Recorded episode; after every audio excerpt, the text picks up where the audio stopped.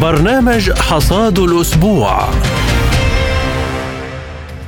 حلقة اليوم من حصاد الأسبوع. تأتيكم مستمعين الكرام من استوديوهات سبوتنيك في موسكو. نرافقكم فيها على مدار الساعة. أنا نغم كباس. وأنا محمد جمعة والبداية بأبرز العناوين. الولايات المتحدة تضغط على دول آسيوية لتزويد أوكرانيا بالسلاح. لقاء خاص مع وزير الخارجية الروسي سيرجي لافروف. قصف إسرائيلي عنيف على قطاع غزة. ونبدأ بالشأن الأوكراني والضغط الذي تمارسه الولايات المتحدة على حلفائها لتزويد نظام كييف بالأسلحة وليس فقط على الدول الأوروبية بل أيضا على الدول الآسيوية كاليابان وكوريا الجنوبية. حول هذا الموضوع قالت المتحدثة الرسمية باسم الخارجية الروسية ماريا زخارفا لسبوتنيك Конечно, восточно-азиатское турне генерального секретаря НАТО и, кстати говоря, министра обороны США بالطبع إن الجولة الأسيوية التي يقوم بها الأمين العام لحلف شمال الأطلسي ينس ستولتنبرغ بالتزامن مع جولة وزير الدفاع الأمريكي لويد أوستن ما هي إلا محاولة جديدة لجر الدول الحليفة للغرب إلى الأزمة الأوكرانية والتي أقصد بها في هذه الحالة كوريا الجنوبية واليابان. تأتي هذه التصرفات من أجل زعزعة الاستقرار في منطقة آسيا والمحيط الهادئ ناهيك عن إقحام الدول التي لا تنتمي إلى المعسكر الغربي أي خارج نطاق الحلف الأطلسي أو الاتحاد الأوروبي في النزاع الأوكراني. إنهم يحاولون توسيع ما يسمى التحالف المعادي لروسيا. نستدل على أن مشاركة تلك الدول في دعم نظام كييف ايا كان سيؤدي إلى إطالة أمد الصراع وهم يدركون ذلك تماما.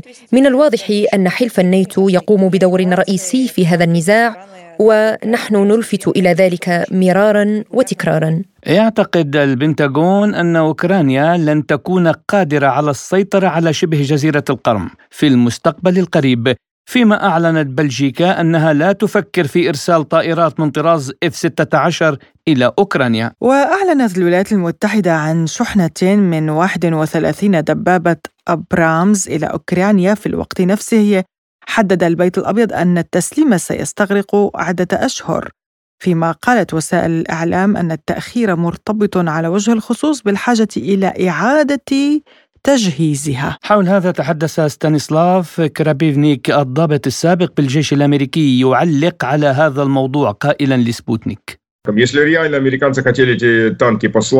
لو كانت القيادة الأمريكية تريد بالفعل إرسال دبابات من طراز أبرامس إلى أوكرانيا لا سلموها خلال فترة وجيزة. الحديث يدور حول تزويد كييف بدبابات أبرامس إم 2 من الجيل الأول. الفرق الوحيد بين تلك الدبابات في عيار المدفع. الأولى لديها مدفع من عيار 105 ملم والثانية 120 ملم عملية تغيير المدفع ستستغرق يومين فقط. ليست هناك مشكلة بالنسبة للطواقم. إذا كما قلت لو كانوا يريدون لا أرسلوها بسرعة. يمكن نقل واحدة وثلاثين دبابة عن طريق الطائرات خلال ثلاثة أو أربعة أيام. لا يريدون تسليمها تجنبا لتشويه سمعة الدبابات. هذا كل ما في الأمر. ولما يتحدثون عن دبابات ليوبارد اثنين أو تشالنجر فإنها محاولة لتشويه سمعة المتنافسين.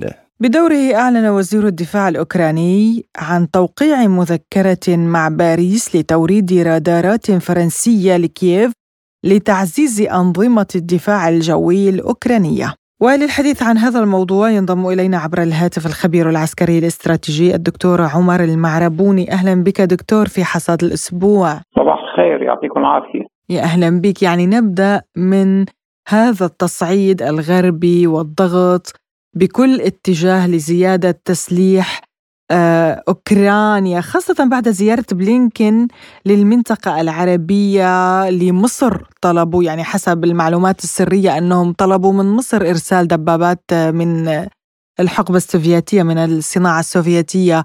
وأيضا طلبوا من إسرائيل إرسال القبة الحديدية وأسلحة أخرى إلى أوكرانيا. ما سبب كل هذا التصعيد؟ برأيك والضغط على جميع الدول؟ تحياتي لكم مجددا أنت والأستاذ محمد.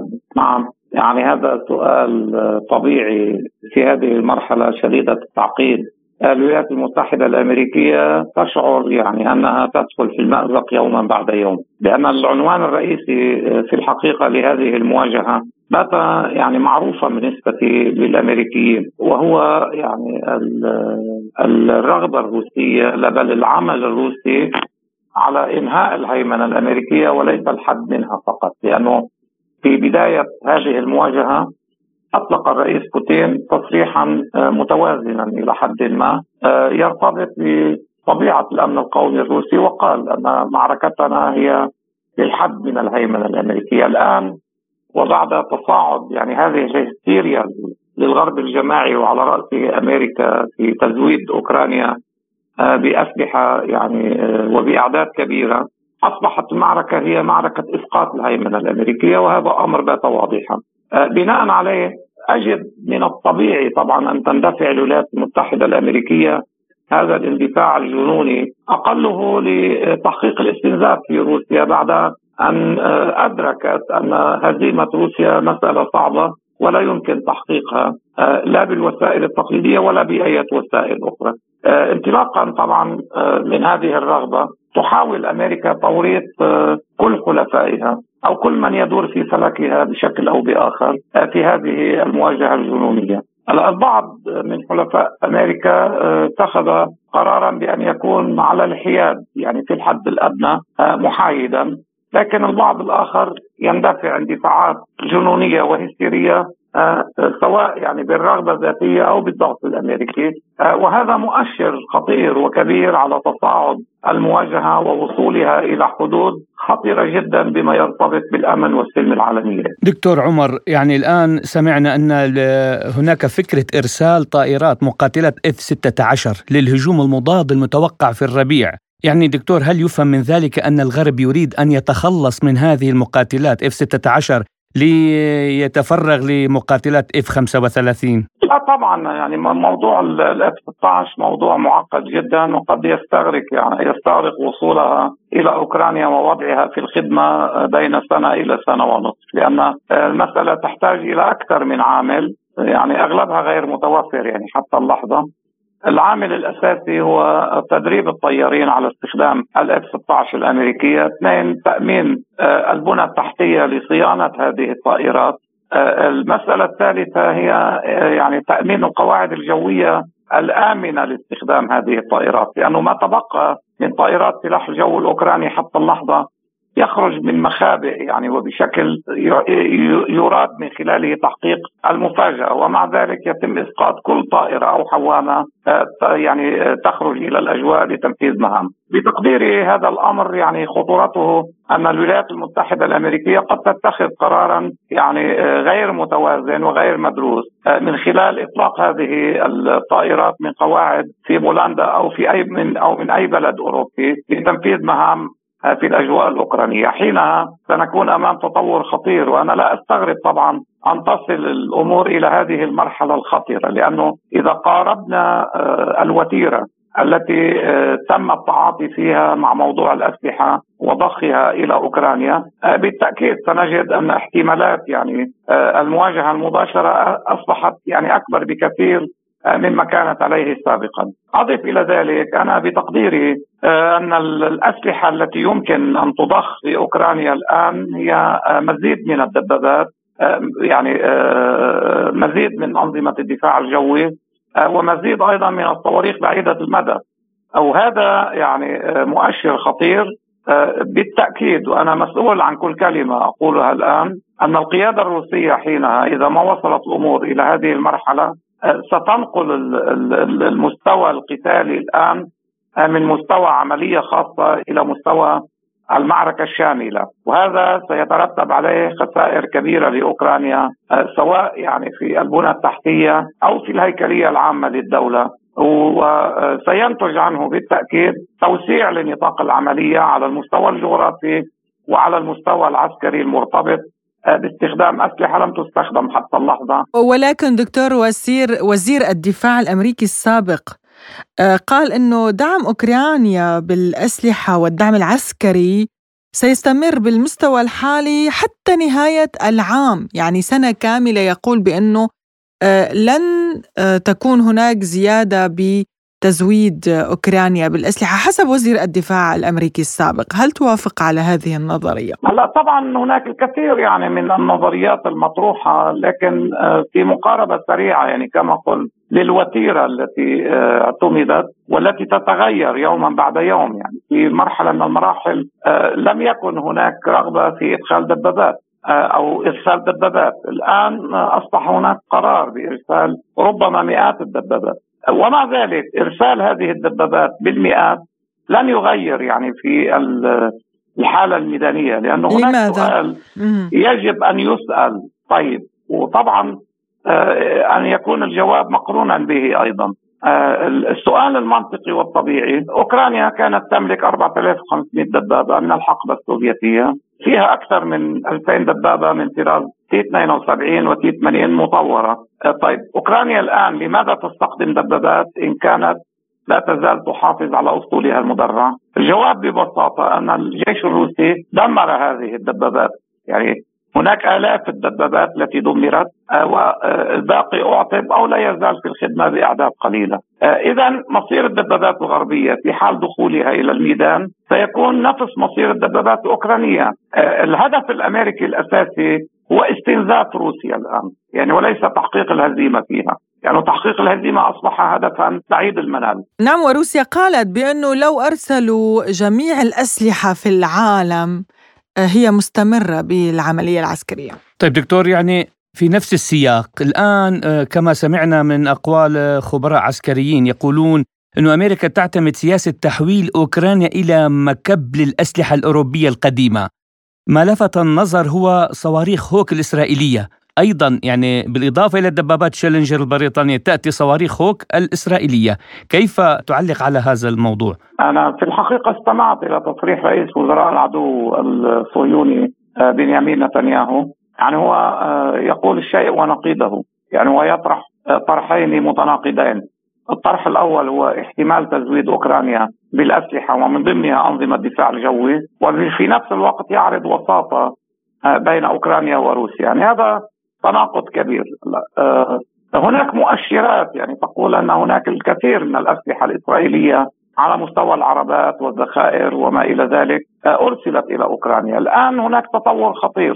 تتضرر فيه المصالح الإسرائيلية بما يرتبط بعلاقة الكيان الصهيوني بالاتحاد الروسي، وبالتأكيد يعني كنا أمام تصريحات واضحة في هذا الصدد وفي هذا الشأن، لكن انطلاقا من مجموعة تطورات. أعتقد أن الكيان الصهيوني سيستجيب لرغبة الأمريكيين وسيزود أوكرانيا بالأسلحة استنادا إلى ما قاله نتنياهو أيضا أن الأمريكيين أخرجوا من المستودعات في الكيان الصهيوني عشرات آلاف القذائف بانواع مختلفة من المدفعية وتم إرسالها إلى أوكرانيا.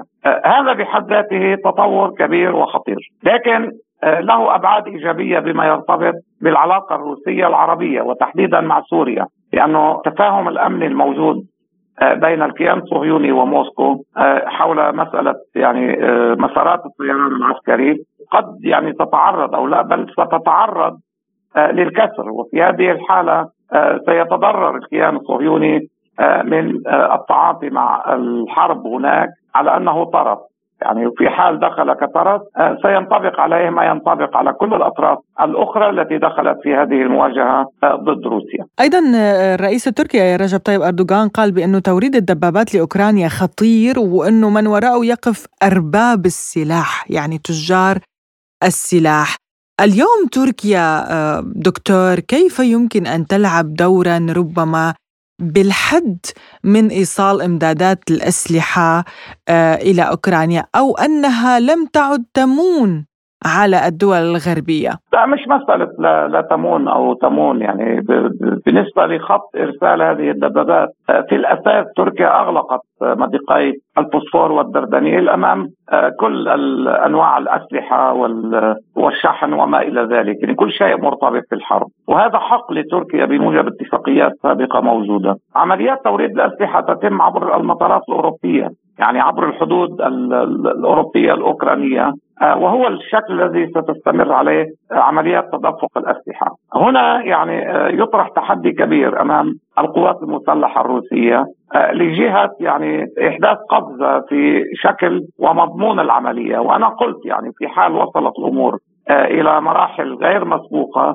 بالتأكيد سنكون أمام يعني متغيرات في شكل ومضمون العملية وقد تصل الأمور إلى إطلاق المعركة الشاملة.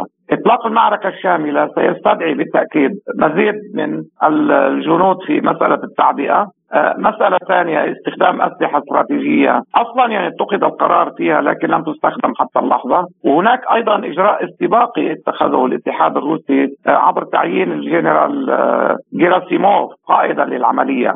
وهذا أمر له أبعاد يعني كبيرة جدا. فيه رسائل مباشرة وغير مباشره للغرب الجماعي. انطلاقا يعني من هذه المسألة أنا أستطيع أن اجزم أن المواجهة ليست قصيرة. وهناك طبعا ضخ كبير جدا للإمكانيات في مواجهة روسيا. واسمحوا لي هنا أن أورد مثالا آه، ميزانية الدفاع الروسية 50 مليار دولار في السنة. طبعا اتخذ قرار برفعها إلى 100 مليار أعتقد. لكن إبان العملية العسكرية حتى اللحظة صرف من ال 50 مليار دولار ما يقارب 15% يعني بحدود 7 إلى 8 مليار دولار. في حين أن الغرب الجماعي تكلف حتى اللحظة 120 مليار دولار. يعني هذه مبالغ يعني ضخمة جدا. آه، تؤشر في مكان ما إلى الرغبة الأمريكية في تحقيق الهزيمة بروسيا. ومع ذلك في موضوع الاستنزاف أنا لي رأي خاص. أن الاستنزاف يعني أو المعركة طويلة الأمد ستكون لمصلحة روسيا، على المستوى الاقتصادي على المستوى الاقتصادي بالتأكيد الآن روسيا هي من أقل الدول آه، التي تعاني من التضخم والبطالة. على المستوى العسكري تستطيع روسيا يوما بعد يوم أن تحسن من أداء قواتها المسلحة وأن تلحق اضرارا كبيرة جدا آه، في البنى والأسلحة الغربية. أيضا على المستوى المرتبط بالشعور الوطني، يعني كلما طالت المعركة كلما استطاع آه، الرئيس بوتين والقيادة الروسية أن يحفز الشعور الوطني لدى الروس وبالتالي أن يجري عملية تحشيد أوسع وأكبر من التي تحصل الآن. وبالمناسبة الحرب يعني عامل الحرب الأساسي هو الحشد طبعا أمريكا والغرب الجماعي قاموا بكل ما يلزم من عمليات الحشد سواء على المستوى العسكري أو المالي أو السياسي أو الدبلوماسي. وبالتالي هذا سيقابل بإجراءات مضادة من قبل روسيا ترتبط بموضوع الحشد. وليس خافيا طبعا أن الاتحاد الروسي إذا اضطر يعني في لحظة من اللحظات هو قادر على حشد ملايين الجنود في سياق يعني قوانين التعبئة سواء كانت جزئية أو شاملة. شكرا لك الخبير العسكري الاستراتيجي الدكتور عمر المعربوني كنت معنا ضيفا كريما في برنامج حصاد الأسبوع. شكرا جزيلا لكم. وإلى اللقاء الخاص الذي اجرته سبوتنيك مع وزير الخارجية الروسي سيرجي لافروف إذ قال لافروف خلال اللقاء كان هناك إمكانية لحل الأزمة الأوكرانية سياسيا لكن لا احد في الغرب يريد من نظام كييف بدء المفاوضات نحن ندرك تماما ان زيلينسكي ليس شخصيه مستقله بل يتم الضغط عليه وهو انعكاس لمصالح الغرب новых территорий, две انضمت أربع مناطق جديدة جمهوريتان شعبيتان ومنطقتان إلى روسيا الاتحادية بعد استفتاء برأيي لا يوجد هنا أي تساؤل. الحقيقة أن الغرب لا يستطيع أن يهدأ وكما هو الحال في القصص الخيالية سيئة السمعة فإنه يغوص أكثر فأكثر في المستنقع. في رأيي هذا يلعب دورا مهما في مسار العملية. إذا كنا نسعى الآن إلى نقل مدفعية القوات المسلحة الأوكرانية إلى مسافة لا تشكل تهديدا لأراضينا فكل ما زاد الغرب في تزويد كييف بالأسلحة بعيدة المدى زادت الحاجة لدفعها بعيدا عن أراضينا الروسية لدفعها بعيدا عن الأراضي الروسية وعن تغيير مواقف المستشار الألماني شولتز أضاف لافروف يقول شولتز клянется, что никогда этого не будет, المستشار الألماني أولاف شولز يتعهد بأن هذا لن يحدث أبدا لكن شولز معروف أيضا بقدرته على تغيير مواقفه بسرعة ثم فهو لا يعمل وحده على الإطلاق. لذلك قال إن الناتو لن يقاتل روسيا أبدا. بينما قالت وزيرة خارجيته السيدة بربوك إننا نقاتل بالفعل ضد روسيا وحول تحكم الولايات المتحدة بالدول الغربية وإخضاعها تحت سيطرتها تحدث لافروف قائلا Соединенные Штаты и э, всех إن الولايات المتحدة وجميع الغربيين الديمقراطيون الكبار الذين أخضعتهم الولايات المتحدة وجردتهم من كل أنواع الاستقلالية ومن صفة الديمقراطية التي لطالما تحلو بها. كما تعلمون يفهمون الديمقراطية على أنها حقهم في فرض فهمهم لها على الآخرين. بمجرد أن تتحدث معهم حول الحاجة إلى مقاربات ديمقراطية للقضايا الدولية فإنهم لا يظهرون أي حماس. وعن فكرة السلام قال لافروف إذا كنت تريد السلام فاستعد للدفاع عن نفسك. يا زمير يا زمير. أنا بالتأكيد مع السلام. لا أتذكر من قال إذا كنت تريد السلام فاستعد للحرب. أنا لا أوافق على هذه الفلسفة بل أوافق الفكرة التي سأصيغها على النحو التالي.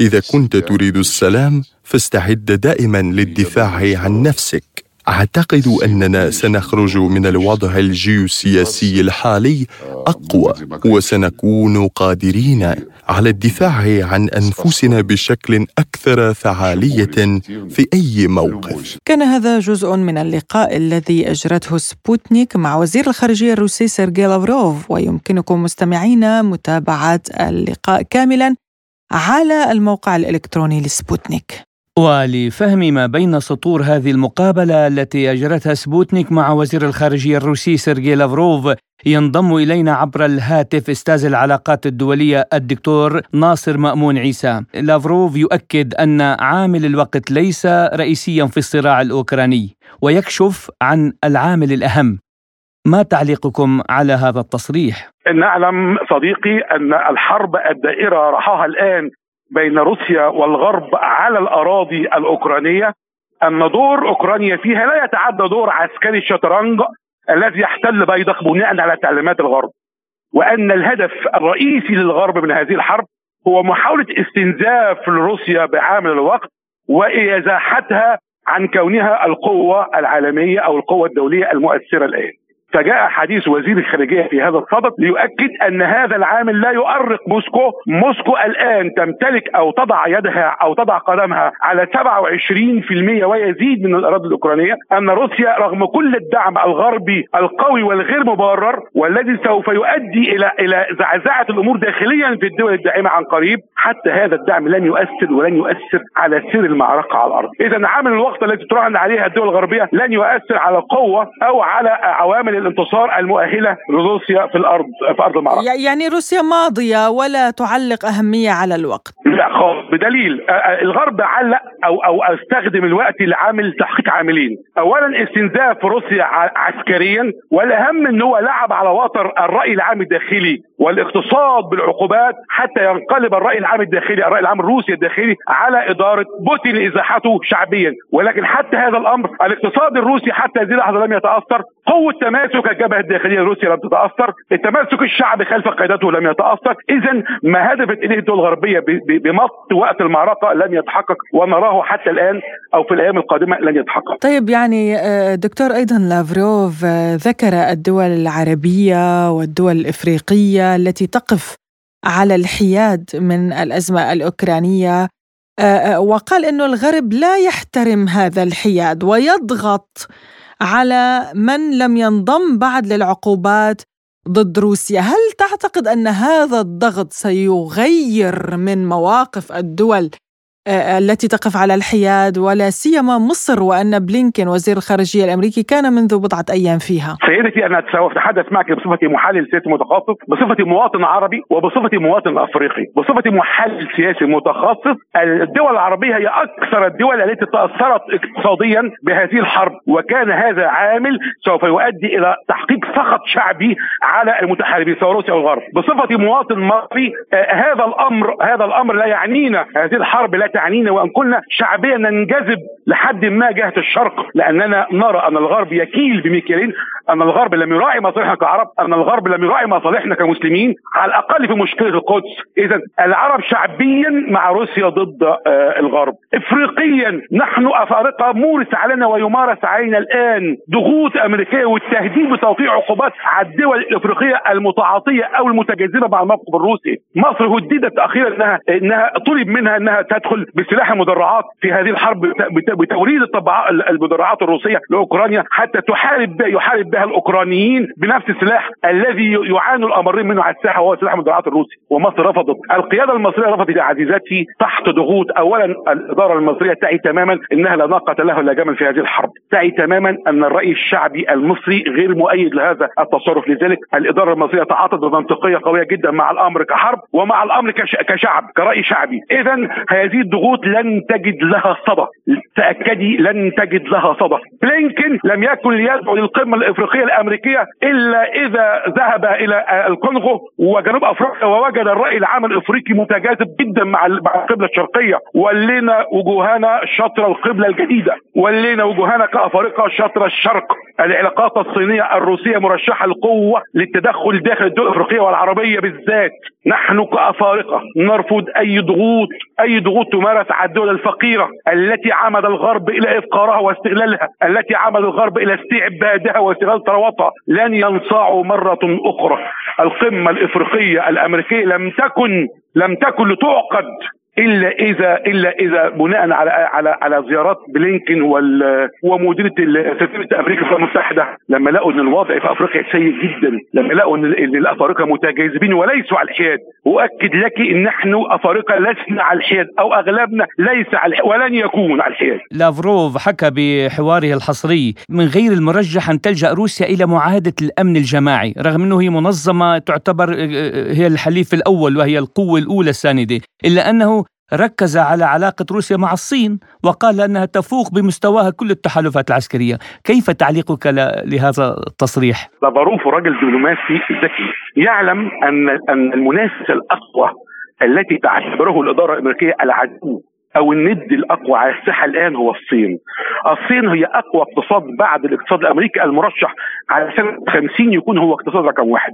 لافاروف يعلم تماما الذي يملك الوساطة لإيقاف هذه الحرب هي بكين ويعلم أن الغرب يعمل ألف حساب لبكين وكذلك الغرب يعلم تماما أن علاقة بكين بموسكو أقوى من علاقة بكين بالعواصم الغربية. لذلك لافاروف يعلم تماما أين تقف روسيا فيما يخص العلاقات الصينية الروسية والصينية الغربية. يعلم تماما أن هناك تجاذب أقوى منه مع موسكو بين بكين وموسكو. الطرف الوحيد نحن كمحللين نرى إنه يملك من الأدوات ما يؤهله ان هو يكون الوسيط الأقوى والأقدر على هذه الحرب. هو الصين ولها بذلك تجارب. لها بذلك تجارب في موضوع موقع صواريخ كوبا بين أمريكا والاتحاد السوفيتي الوحيده التي تقدمت للوساطة وقد واستطاعت إنها تشيل الصواريخ اللي في كوبا ومقابلها أمريكا شالت صواريخها في, تركيا اذا باروف راجل ذكي يعلم من أين تؤكل الكتف ويحدد كلماته جيدا. الصين هي الحليف الأول والأقوى والرادع للغرب فيما يخص روسيا. تفضل. أنا أرجو إن أنتم تسمحوا لي وأعتذر ان كان إن أنا صوتي يعني تعصبت في بعض الشيء لكن إحنا علاقتنا بالغرب بتسوء يوم بعد يوم والنظام العالمي القادم لن تكون فيه أمريكا هي النجم الأوحد ونحن نتمنى ونصلي من أجل ذلك. نعم شكرا جزيلا لك أستاذ العلاقات الدولية الدكتور ناصر مأمون عيسى على هذه المداخلة، شكرا لك دكتور. تحت أمرك شكرا جزيلا مع السلامة. وملفنا التالي عن القصف الإسرائيلي على قطاع غزة حيث أعلن الجيش الإسرائيلي استهداف موقعين لإنتاج الصواريخ والوسائل القتالية تابعين لحركة حماس في غزة وذلك ردا على إطلاق صاروخ من القطاع. كما قصفت طائرات مقاتلة تابعة للجيش الإسرائيلي في وقت سابق موقعا لإنتاج المواد الكيميائية الخام إلى جانب موقع لتصنيع الأسلحة تابع لحماس. ولمعرفة ما يحدث في قطاع غزة ينضم إلينا عبر الهاتف من هناك المحلل السياسي الأستاذ ماجد هديب. أهلا بك أستاذ ماجد في برنامج حصاد الأسبوع. بداية دكتور ما الذي أفاض الكأس الآن وكيف سترد فلسطين على هذه الغارات؟ الإجابة على هذا السؤال ستكون صعبة فلن يكون هناك أي رد من الجانب الفلسطيني سوى الشكوى لمجالس الأمم المتحدة والمؤتمرات والدعوة إلى المؤتمرات الدولية لوقف هذه الاعتداءات نعم أستاذ ماجد يعني اليوم آه، القطاع تعرض لقصف حماس أيضا أطلقت صاروخ. هذا التصعيد بين حماس وإسرائيل آه، إلى ماذا يمكن أن يؤدي برأيك؟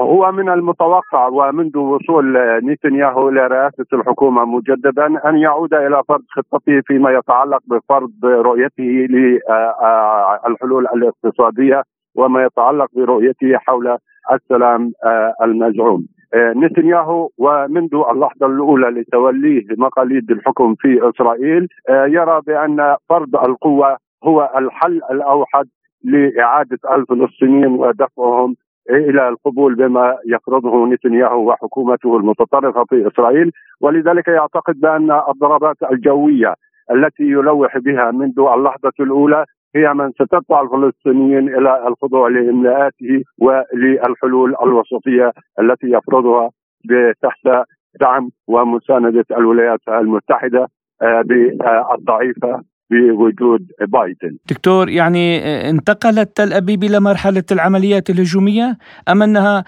تحاول صرف الانتباه في هذا التصرف؟ لا هو من المتوقع ومنذ آه، سنوات أن هناك إعادة تقسيم للمنطقة بما يخضع للإرادة الأمريكية والتوجهات الإسرائيلية وخاصة ما يتعلق آه، بالنفوذ الإيراني وضرب الأذرع الإيرانية في المنطقة وخاصة ما يتعلق منها بحركة حركتي الجهاد الإسلامي وحزب الله وأيضا ما يتعلق منها بحركة حماس. حركة حماس تحاول وقدر الإمكان الخروج من هذه العباءة تحت مسمى بأنها حركة فلسطينية تخضع لاراده ورغبات الشعب الفلسطيني فيما يتوقع بالحلول الاقتصادية ولكن إسرائيل تدرك أن ذلك ما ما تعتقده أو ما تراه حماس في الفترة الحالية هي لمحاولة البقاء ولمحاولة أيضا تعاظم قوتها العسكرية لتفرض وجودها في المنطقة كطرف آه، بديل عن منظمة التحرير والسلطة الوطنية، اذا هناك توقعات وتوقعات قوية بأن هناك ضربة خاصة ما يتعلق منها بأذرع آه، إيران بالمنطقة وفرض ما يراه نتنياهو بالضفة الغربية من واقع جديد يدفعه لأن آه، يغير المعادلة في قطاع غزة. وخاصة ما يتعلق منها بالقوى العسكرية التي تلوح التي تلوح إيران بها بالمنطقة إذا ما تم هناك استهداف للمنشآت النوويه. ما موقف المجتمع الدولي هنا؟ يعني لا نسمع أي إدانة لا على الغارات الإسرائيلية ولا على الممارسات ولا على اقتحام جنين. القوى هي من تفرض الأجندات في المنطقة وهي من ترسم ملامح السياسات. وقرارات الأمم المتحدة آه، لا وجود لها أو جدوى منها في ظل عالم أحادي الجانب حتى لو استطاعت أو حتى لو حاولت روسيا أن تفرض وجودها مجددا كطرف ثاني أو كأحادية كثنائية القطبية، ما زالت الولايات المتحدة والعالم الغربي آه، تخضع آه، أو تخضع الأمم المتحدة ومؤسساتها الدولية لإرادتها ولسياستها وما دون ذلك لا يعتبر أن هناك أي قرارات أو أن هناك قانون دولي وما يتعلق وخاصة ما يتعلق منها بحقوق الدولي الإنساني. الأمم المتحدة مغيبة وفي المراحل اللاحقة أيضا ستتغيب أكثر من ذي قبل وخاصة بعد الانتخابات المرحله الثانية من الانتخابات الأمريكية وربما آه، ستؤدي هذه الانتفاضه الانتخابات إلى غياب بايدن وعودة ترامب مجددا أو عودة الجمهوريين الذين يدعمون ويساندون تطرف الحكومة الإسرائيلية وفرض سياستها الجديدة في المنطقة. طيب دكتور بالنسبة للدول العربية هل من موقف يذكر لأي دولة عربية؟ منذ ما يسمى الربيع العربي أعتقد أن غياب الرسمية العربية لن تعود آه، أن الرسمية العربية وفرض إرادتها أو رؤيتها وتصوراتها للحل مع الصراع الصراع مع إسرائيل. قد غابت. الأنظمة العربية الآن مقسمة بين قسمين. أنظمة الاعتدال التي تحاول فرض وجودها خاصة ما يتعلق منها بالنظام وفرض القانون والنظام داخل محيط المحلي.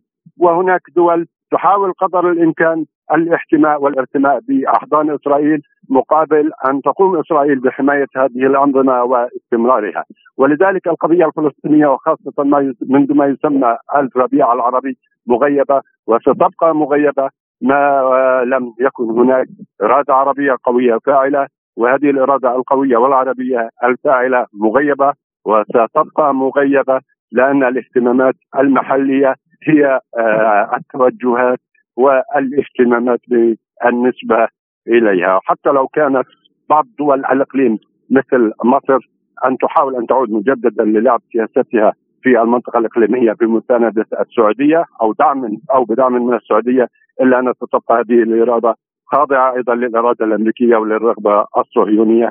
فما دون ذلك بالنسبة لهذه الأنظمة تدرك أنها ستنتهي كما تنتهي كما انتهت بعض الأنظمة أو تحاول دول العالميه إنهاء بعض الأنظمة ومن بينها سوريا التي كانت وما زالت تعتبر أن المقاومة هي بالنسبة إليها إعادة النفوذ العربي وإعادة العروبة إلى المنطقة العربية وعدم الوصاية طيب يعني آه، بما انه حضرتك ذكرت مصر طالبت روسيا ومصر بالتهدئة وعدم التصعيد والعودة إلى المفاوضات بين الإسرائيليين والفلسطينيين، ما الدور اليوم المطلوب من مصر وروسيا؟ من المفترض أن تكون مصر وبحكم العلاقة المميزة مع روسيا وبنفس الوقت محاولة وفي ظل محاولة روسيا إعادة ثنائية القطبية في المنطقة أن آه، تعود مجددا إلى طرح تصوراتها لحل القضية الفلسطينية المدعومة من روسيا آه، وكما تذكر أن هناك كانت دعوة من وزير الخارجية الروسي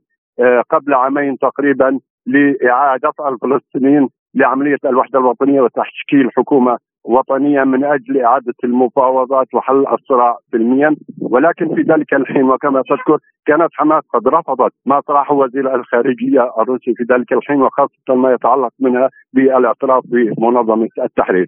من المفترض الآن ولتلافي الغارات التي تكون فيما لو حدثت ستكون قوية ومشددة وربما ستعيد قطاع غزة إلى عهد القرون الوسطى. من المفترض أن تدفع روسيا وان تدفع مصر ومساندة من روسيا والدول التي تلتف حولها إلى عملية آه، اعاده الفلسطينيين إلى الوحدة الوطنية ومن ثم فرض التوجهات أو الرؤية المصرية وخاصة ما يتعلق منها بحل الصراع على أساس حل الدولتين. ما يمكن أن نكون أن نقول أن هناك تهدئة. ما دون ذلك وما دون أن تخرج حماس أيضا بتعديل ميثاق وثيقتها عام 2017 ما يتعلق منها برؤيتها للصراع وللتحلل من العباءة الأمريكية وعباءة المقاومة فإننا مقبلون أو ستكون غزة مقبلة على حرب تدميريه وهذا ما لا نتمنى. اذا روسيا ومصر وأيضا قطر لا ننسى الدولة القطري ما لم تكن هذه الدول الثلاث تدعم أو تفرض خطتها ورؤيتها للهدوء وعودة الاستقرار فإن غزة ستكون على وشك الانهيار على كافه الصعود. سؤالنا الأخير أستاذ ماجد هو حول تصريح حماس الأخير بأن غارات الاحتلال الإسرائيلي على قطاع غزة هي إكمال لحلقات العدوان. كيف برأيك ستتصرف حماس في حال تكرار مثل هذه الغارات؟ حماس آه، ومنذ حرب 2017 اتجهت فيما يخص الاستراتيجية إلى آه، تدعيم معالم حكمها واعتقدت أن المقاومة هي بالنسبة لها هي أحد عوامل تدعيم هذا الحكم والمقاومة بالنسبة إليها ليست الاستراتيجية الأولى في حل الصراع. ولذلك تحاول حماس قدر الإمكان أن تتجنب هذه الضربات لأنها تدرك أن هذه الضربات آه، إذا فيما لو تمت على قطاع غزة ولن تقوم حركة حماس بالرد فستكون هناك ململة داخل الشارع الفلسطيني لربط الصمت الحمساوي التي اتجهت آه، إليه آه، لتحدو حدو الأنظمة العربية التي كان شعارها سنقوم بالرد في الوقت والمكان المناسب. حركة حماس تدرك أنها الآن في موقف حرج وخاصة في ظل الجولات الأخيرة التي تمت على قطاع غزة دون مشاركة وإسناد حركة الجهاد الإسلامي بالرد على هذه الاعتداءات وخاصة أيضا ما يتعلق بالاعتداءات الأخيرة وتدمير المقدسات الإسلامية وفي ظل الصمت آه، الحمساوي. هناك مهمله داخل الشارع الفلسطيني وهناك رفض لهذا الصمت الحمساوي وهذا حماس ما تحاول أن تتجنبه. حينها قد يحدث ما لا يحمى ولا نتمنى أيضا أن يحدث. المحلل السياسي الأستاذ ماجد هديب كنت معنا ضيفا كريما من غزة شكرا لك.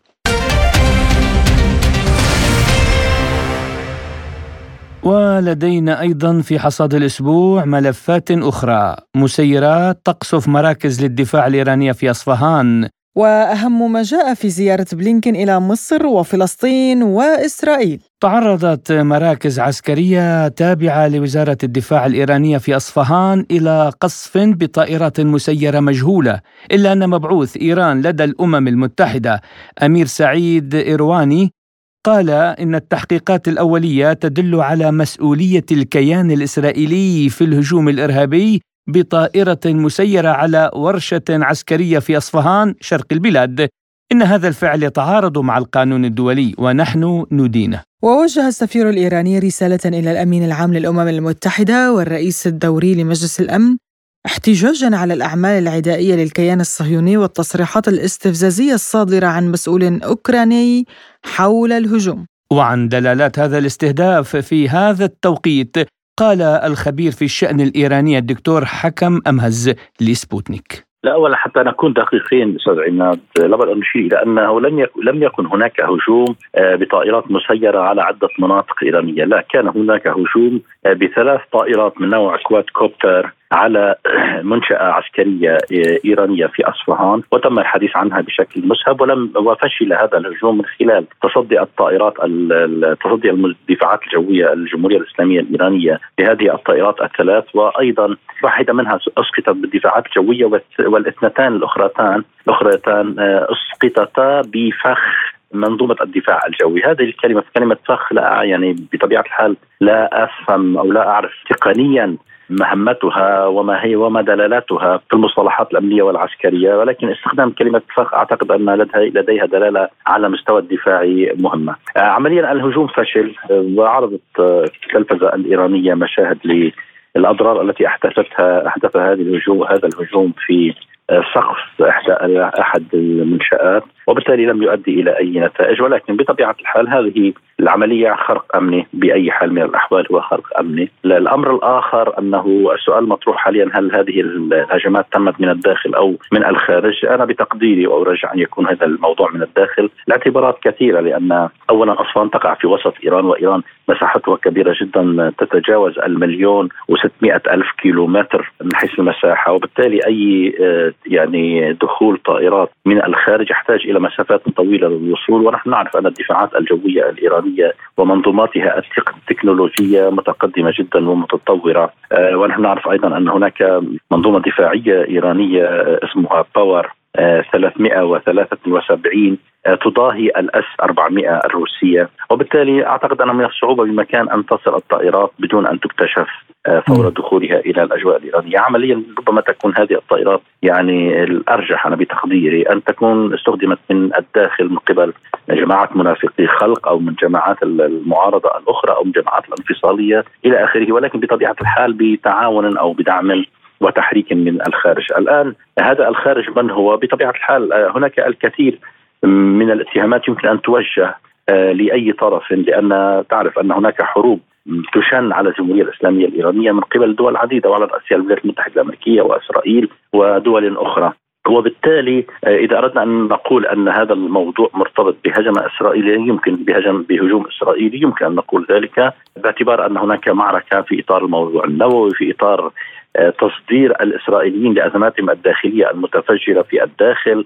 وعن الجهة التي تقف خلف هذا الاستهداف للمنشآت الإيرانية والتحذير الإيراني لأوكرانيا بعد هجوم أصفهان قال أمهز. هناك هناك محاولة إسرائيلية أيضا لعرقلة التفاهم أو الاتفاق النووي لأنه بالأمس كان هناك زيارة لوزير الخارجية القطري إلى إيران وتحدث عن رسائل عن رسائل منقولة من قبل الأمريكيين إلى الإيرانيين وبالتالي تحدث عن محاولات لإزالة سوء الفهم والتفاهم بين الطرفين. أيضا يمكن أن نقول أن الأمريكي أيضا لديه نية فيها يعني لديه يمكن أن يتهم في هذا الإطار لاعتبارات مرتبطة بالضغوط من أجل الاتفاق النووي وأيضا فيما يتعلق بموضوع المسيرات التي يتحدثون عنها بأن إيران صدرتها إلى روسيا وروسيا تستخدمها في الحرب الأوكرانية والتي شكلت ميزة وفاصلة في الحرب في أوكرانيا، أيضا الأوروبيون في هذا الإطار يمكن أن يكون لديهم دور أيضا فيما يتعلق بالموضوع الأوكراني لأنهم يعني هم متضررون بشكل كبير جدا من تصدير الأسلحة إلى أوكرانيا ويريدون إنهاء الحرب بالفوز لمصلحة أوكرانيا. إلى آخره يعني يمكن أن توجه الاتهامات لأي طرف آخر لكن بالنهاية آه الإيرانيون الآن يجرون التحقيقات الحثيثة في هذا الإطار لمعرفة الجهات التي قامت بهذا بهذا العمل والتي نفذت والتي والجهات التي تقف خلفها. وبالتالي يبنى على الشيء مقتضاه في إطار الرد. عمليا يعني أختم لأقول أن الاتهامات يمكن أن توجه لأي طرف باعتبار الاعتبارات التي أشرت إليها. ولكن بالنهاية التحقيقات هي التي تحدد أو ستحدد المسار الذي ستصل إليه آه، التحقيقات والمسار الذي يوصل إلى الجهة التي قامت بهذه العملية. وتحدث لسبوتنيك أيضا سيمون تسيبيس الأستاذ في العلوم السياسية والعلاقات الدولية في معهد دراسات الأمن القومي بجامعة تل أبيب عن قراءاته للجهة التي تقف خلف هذا الهجوم على إيران قال ما يلي.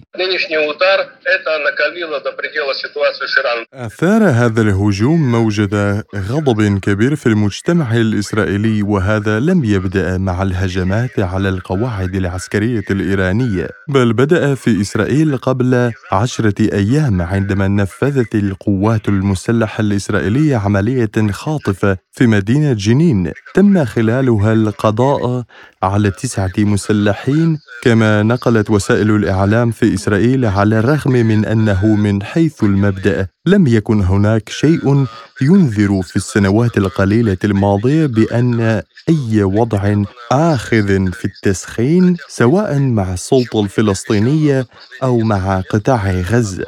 لم تكن هناك مثل هذه الشروط. ومع ذلك حدثت هذه العملية العسكرية فجأة وهي بالطبع أدت إلى التصعيد لأقصى حد وبعدها بساعات قليلة شن سلاح الجو الإسرائيلي غارة جوية على قطاع غزة. مرة أخرى لا شيء ينذر بأن الموقف يجب أن يتصاعد الآن. المجتمع في إسرائيل غاضب إلى أقصى حد وجاءت الضربة على إيران كاستمرار للحلقة في نفس السلسلة هذا يرجع إلى حقيقة أننا أجرينا انتخابات قبل ثلاثة أشهر وكانت نتائجها متباينة للغاية. الآن يتعرض المجتمع الإسرائيلي لأعمق انقسام في تاريخ إسرائيل. نحن الآن في أعمق أزمة سياسية وأخلاقية واجتماعية داخلية. إسرائيل شاركت في الهجوم على إيران. هذا واضح. طبعا لن تصدر تصريحات رسمية من إسرائيل. ولن تعترف إسرائيل رسميا بتورطها في مثل هكذا عمليات. نشهد الآن هجوما حقيقيا على إيران. من وراء ذلك؟ على الأرجح الولايات المتحدة مع إسرائيل. حتى لو كانت الولايات المتحدة تحاول إلقاء اللوم على إسرائيل فهذا مجرد مسرحية. لم تكن إسرائيل لتنفذ هذه العملية دون أي ضمانات من الولايات المتحدة. لا يمكن للولايات المتحدة أن تنفذ هذه العملية لولا مساعدة إسرائيل لأن إسرائيل تمتلك التكنولوجيا والطائرات بدون طيار التي يمكنها الطيران لمسافات طويلة جدا مع حمل ذخيرة عسكرية كبيرة. كل هذا تتحمله حكومتنا اليمينية الجديدة التي ستتمكن من الاحتفاظ بالسلطة فقط مع سياق الحرب أو الانتفاضة أو الإرهاب. وإلى مخرجات الجولة التي قام بها وزير الخارجية الأمريكي أنتوني بلينكين إلى مصر وفلسطين وإسرائيل وقال بلينكين عن هذه الزيارة إنها تؤكد التزام الولايات المتحدة بتعميق العلاقات الثنائية والعلاقات بين الشعوب وتعزيز حقوق الإنسان وتقوية الأمن الإقليمي والعالمي. وعن أهداف هذه الزيارة في ظل توتر وتصعيد في فلسطين قال رئيس مركز العربي للدراسات السياسية الدكتور محمد صادق إسماعيل مساء الخير تحياتي لحضرتك. أعتقد هي زيارة هامة جدا لوزير الخارجية الأمريكي للقاهرة. تأتي في إطار طبعا التشاور المستمر بين القاهرة وبين واشنطن حول ما يجري في الأراضي الفلسطينية باعتبار إن مصر هي رعاية عملية السلام في منطقة الشرق الأوسط والولايات المتحدة الأمريكية دوما تساند إسرائيل فيما يتعلق بهذا الأمر. ونعتقد طبعا إن المساندة المستمرة لإسرائيل من قبل الولايات المتحدة الأمريكية أفقدت الإدارة الأمريكية مصداقيتها إضافة طبعا إلى بعد هام جدا وهو البعد الخاص بمسألة الشراكة. مساله الشراكة في منطقة الشرق الأوسط لابد أن تعتمد على النزاهة لكن النزاهة افتقدت من الإدارة الأمريكية حتى إن آخر إدارة أمريكية جيدة فيما يتعلق بالتفاوض بين الجانبين كان في إدارة أوسلو عام 1993 في إدارة طبعا بيل كلينتون. أعتقد تأتي من هنا أهمية المباحثات حول ضرورة أن تعود الولايات المتحدة الأمريكية كوسيط نزيه في عملية السلام وطبعا لابد أن تدخل أطراف أخرى في هذا الاطار هذا من جانب. وعن الهدف الذي تسعى إليه واشنطن في مصر بخصوص الملف الأوكراني ولا سيما قبيل لقاء وزير الخارجية المصري مع نظيره الروسي في موسكو قال صادق إسماعيل لسبوتنيك طبعا وزير الخارجية المصري السيد سامح شكري في موسكو لإجراء مباحثات حول مع السيد لافروف حول ما توصلت إليه العملية في آه، في روسيا وأوكرانيا وأيضا فيما يتعلق بضرورة أن تهدأ وسيره النزاعات العسكرية بين الطرفين وأن تبدأ محادثات سلام. طبعا من المعلوم أن مصر وروسيا لهم علاقات جيدة ولهم أيضا شراكة استراتيجية في كافة المجالات وبالتالي تسعى مصر لإحداث نوع من التوازن فيما يتعلق بعلاقتها مع روسيا وفيما يتعلق أيضا بمحاولة إحداث نوع من التأثير حتى الإيجابي في مسألة محادثات السلام وضرورة أن تبدأ محادثات سلام جيدة ما بين مصر وبين الجانب الروسي. وعن بحث العلاقات مع إيران في ظل التصعيد الأخير وقصف أصفهان تحدث إسماعيل عن الدور الذي يمكن أن تلعبه مصر. قائلا؟ طبعا أتخيل إن مسألة إيران هي مسألة هامة جدا لأن طبعا هي تؤثر على منطقة الشرق الأوسط وتهدد الأمن الإقليمي في مقتل لأن طبعا من المعلوم إن هناك آه، تحركات داخل إيران وهناك أيضا تحركات مضادة. وهناك أيضا فيما يتعلق بإسرائيل. إسرائيل دوما تهدد بضرب المنشآت النووية الإيرانية والمصالح الاستراتيجية في إيران. وأعتقد إن كلها أمور تستدعي نوع من المساءلة والمحاسبة فيما يتعلق بهذا الطرح. الإدارة الأمريكية إلى الآن لم تنجح في تدشين اتفاق نووي مع الجانب الإيراني وبالتالي في هذه مشكلة كبيرة بالنسبة للولايات المتحدة الأمريكية وإيران لديها مشكلات في الداخل. اذا لابد من آه، إدارة حكيمة للأزمة فيما يتعلق بإيران وأيضا فيما فيما يرتبط بمسألة العلاقات ما بين إيران والولايات المتحدة الأمريكية. لأن مسألة آه، ازدياد الصراع بين إيران وإسرائيل أعتقد أن الخاسر سيكون منطقه الشرق الأوسط وفي القلب منه طبعا عالمنا العربي.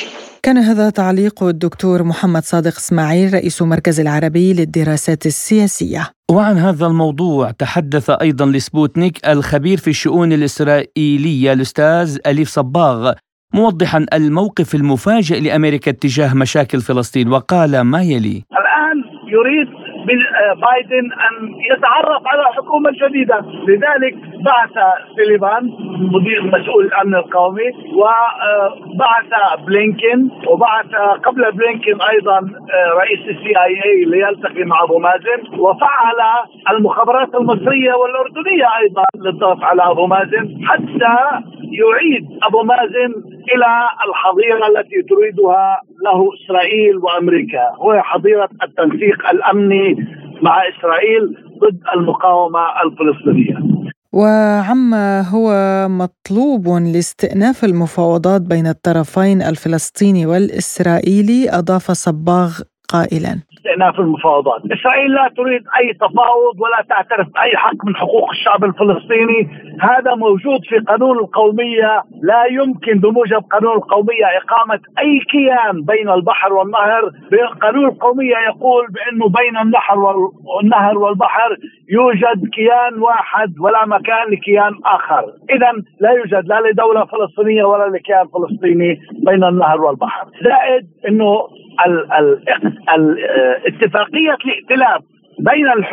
بين أطراف الحكومة الحالية يقول بشكل واضح وصريح لا مكان للمفاوضات مع الطرف الفلسطيني وأن الطرف الفلسطيني هو فقط مجرد يعني ناس غير يهود مقيمين على أرض إسرائيل كما يقول كما يقولون ويعني لابد أن نقدم لهم حاجاتهم وليس حقوق يعني لا يعترفون بالحقوق وإنما بالحاجات والحاجات تقررها إسرائيل باعتبارها هي القوة المسيطرة اذا لا مكان للعوده إلى المفاوضات عن أي مفاوضات يمكن أن نتحدث عدا ربما يقصدون قليل من التسهيلات الاقتصادية حتى يزدادوا القطط السمان أو يثمنوا أكثر قطط السمان الفاسدين المستفيدين من هذا التنسيق الأمني. ومن السياسة إلى الاقتصاد حيث أبقت اللجنة الوزارية لمجموعة أوبك بلس على استراتيجية الإنتاج دون تغيير ولم توصي بإدخال تعديلات على اتفاق المجموعة النفطي. وجاء في بيان لها شدد أعضاء لجنة المراقبة الوزارية تأكيد التزامهم بإعلان التعاون باتفاق أوبك بلس الذي يسري حتى نهاية العام الجاري بالشكل المتفق عليه في الاجتماع الوزاري الثالث والثلاثين لمنظمة أوبك والأعضاء من خارجها في الخامس من أكتوبر من العام الماضي ودعوا جميع البلدان المشاركة لتحقيق الامتثال الكامل لشروط الاتفاق. بدوره صرح نائب رئيس الوزراء الروسي ألكسندر نوفاك بأن الوضع في سوق النفط العالمية في الوقت الراهن مستقر تماما. كما أن مستوى الأسعار مقبولا مع وجود بعض الشكوك ولا سيما بشأن حالة الاقتصاد العالمي ونمو الطلب في الصين. إن الوضع مع إنتاج وتصدير النفط من روسيا مستقر في الوقت الحالي رغم الحظر الأوروبي وفرض سقف على سعر البرميل الروسي. من جانبه قال وزير النفط الفنزويلي طارق العيسمي إن العقوبات التي فرضها الغرب على روسيا بسبب عمليتها العسكرية الخاصة في أوكرانيا تسبب الفوضى في أسواق الطاقة العالمية. نحن نراقب تدابير غير عقلانية غير قانونية وتنتهك القانون الدولي والتي يواصل الغرب استهداف البلدان التي تشكل جزءا من سوق الطاقة العالمية وتوازنها. حول هذا الموضوع قال الخبير الاقتصادي إيغور يوشكوف لوكالة سبوتنيك. الحديث حول سقف أسعار النفط الروسي مثير للاهتمام نظرا لأنه يحمل في طياته حقيقة مفادها أن سقف الأسعار يأتي بمثابة خفض العقوبات الغربية المفروضة على روسيا. في مارس آذار عام 2022 كانت جميع الدول الغربية عازمة على تقويض الاقتصاد الروسي. على سبيل المثال فرضت واشنطن الحظر على توريد المنتجات النفطية في أبريل نيسان في العام نفسه.